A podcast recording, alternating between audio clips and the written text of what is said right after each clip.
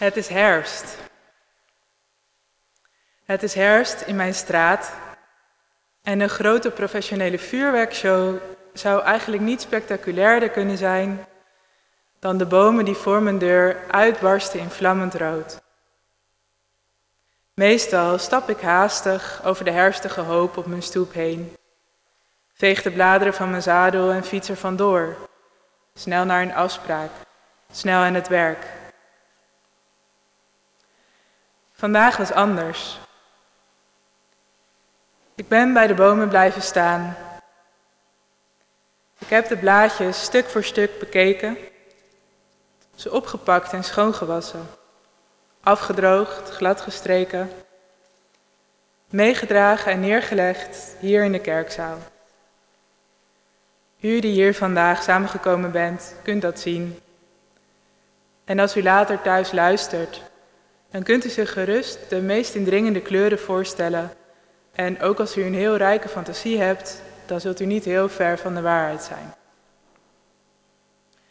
Deze blaadjes hier zijn opgeteeld uit de warrige hoop van dwarrelend straatvuil.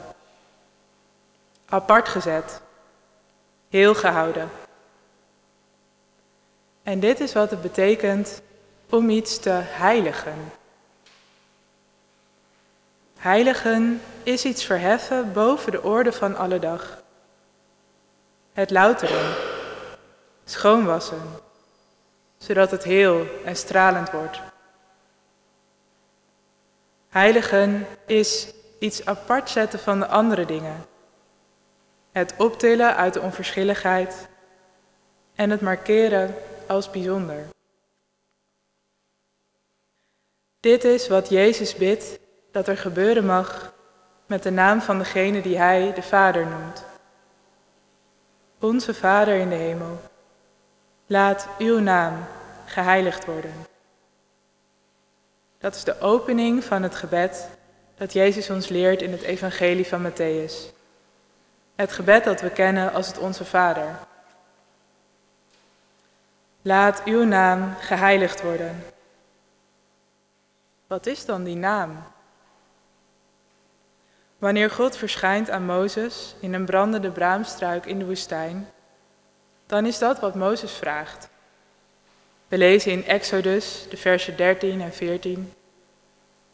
Mozes zei: Stel dat ik naar de Israëlieten ga en tegen hen zeg dat de God van hun voorouders mij gestuurd heeft. En ze vragen: Wat is de naam van die God?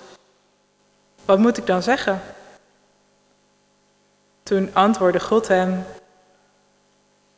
Ik ben die er zijn, die er zijn zal. Zeg daarom tegen de Israëlieten: Ik zal er zijn, heeft mij naar u toegestuurd. Ik zal er zijn. Dat is hoe je de vier letters die hier staan in het Hebreeuws kunt vertalen. Jod, He, Hav en He. Dat is een vervoeging van het werkwoord zijn. Ik ben die ik ben. Zijn dat zichzelf openbaart. Ik ben die is. Dat is wat de persoonlijke naam van de God van Israël betekent. En hoe die naam klinkt, dat is een raadsel, waarop het antwoord door de eeuw heen verloren is geraakt. In het Hebreeuws worden de klinkers namelijk niet opgeschreven. En meestal weten we dan alsnog uit de overlevering wel hoe de woorden klonken. Maar deze vier letters die wijzen naar de naam van de Allerhoogste God, die werden slechts één keer per jaar uitgesproken door de hoge priester in de tempel op Grote Verzoendag. Zo geheiligd werd de naam, zo schoon en heel en apart gehouden dat ze bijna geheel verzwegen werd. En met de verwoesting van de tempel 2000 jaar geleden is de priesterorde en de klank van de naam geheel verloren gegaan. En zo is dus de kern van wie God is fundamenteel onnoembaar en onkenbaar voor ons. De naam is ten diepste een mysterie, een open plek een stilte die wijst naar het zijn dat eeuwig uit zichzelf opwelt. Hoe heiligen wij die naam? Hoe houden we de stilte heel? Hoe wassen we de open plek schoon en zetten we het zijn apart van alles wat is?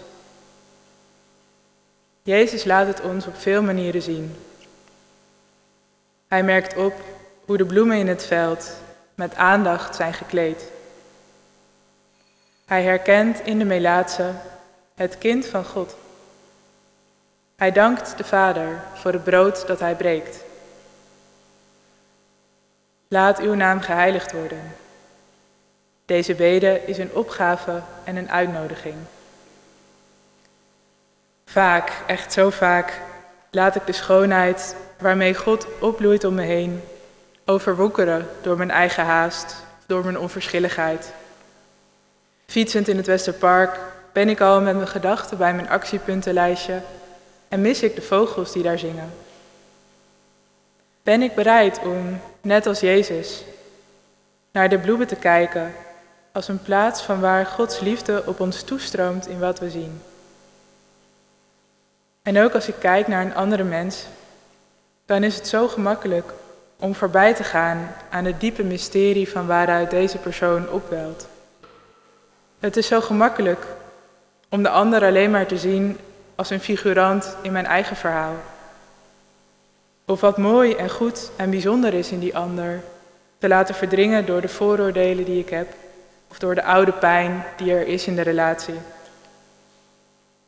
Zijn we bereid om elkaar te zien als een plaats waar God verschijnt, dwars door de melaatsheid heen?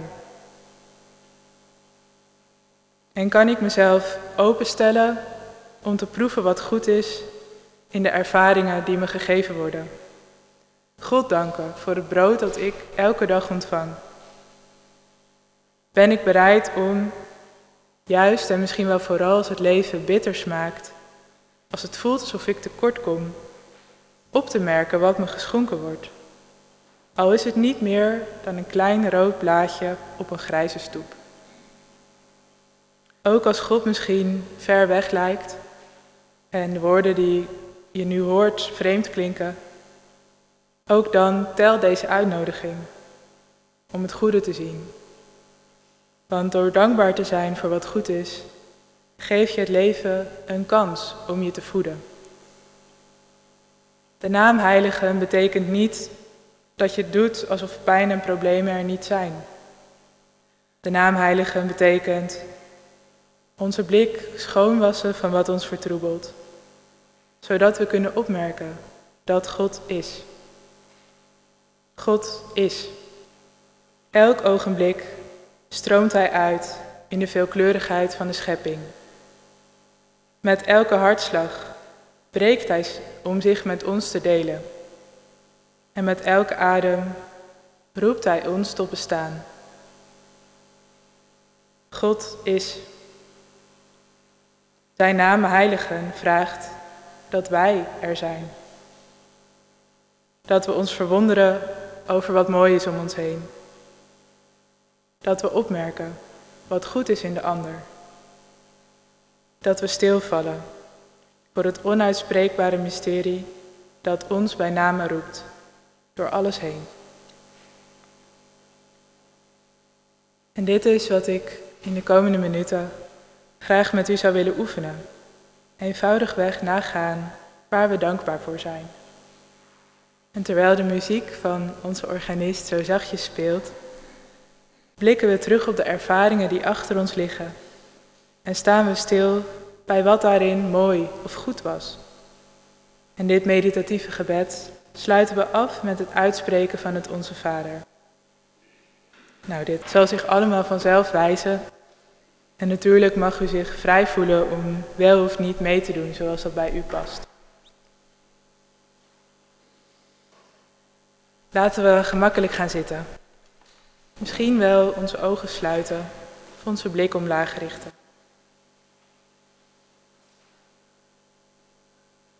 Laten we in- en uitademen. En voelen dat de grond ons draagt.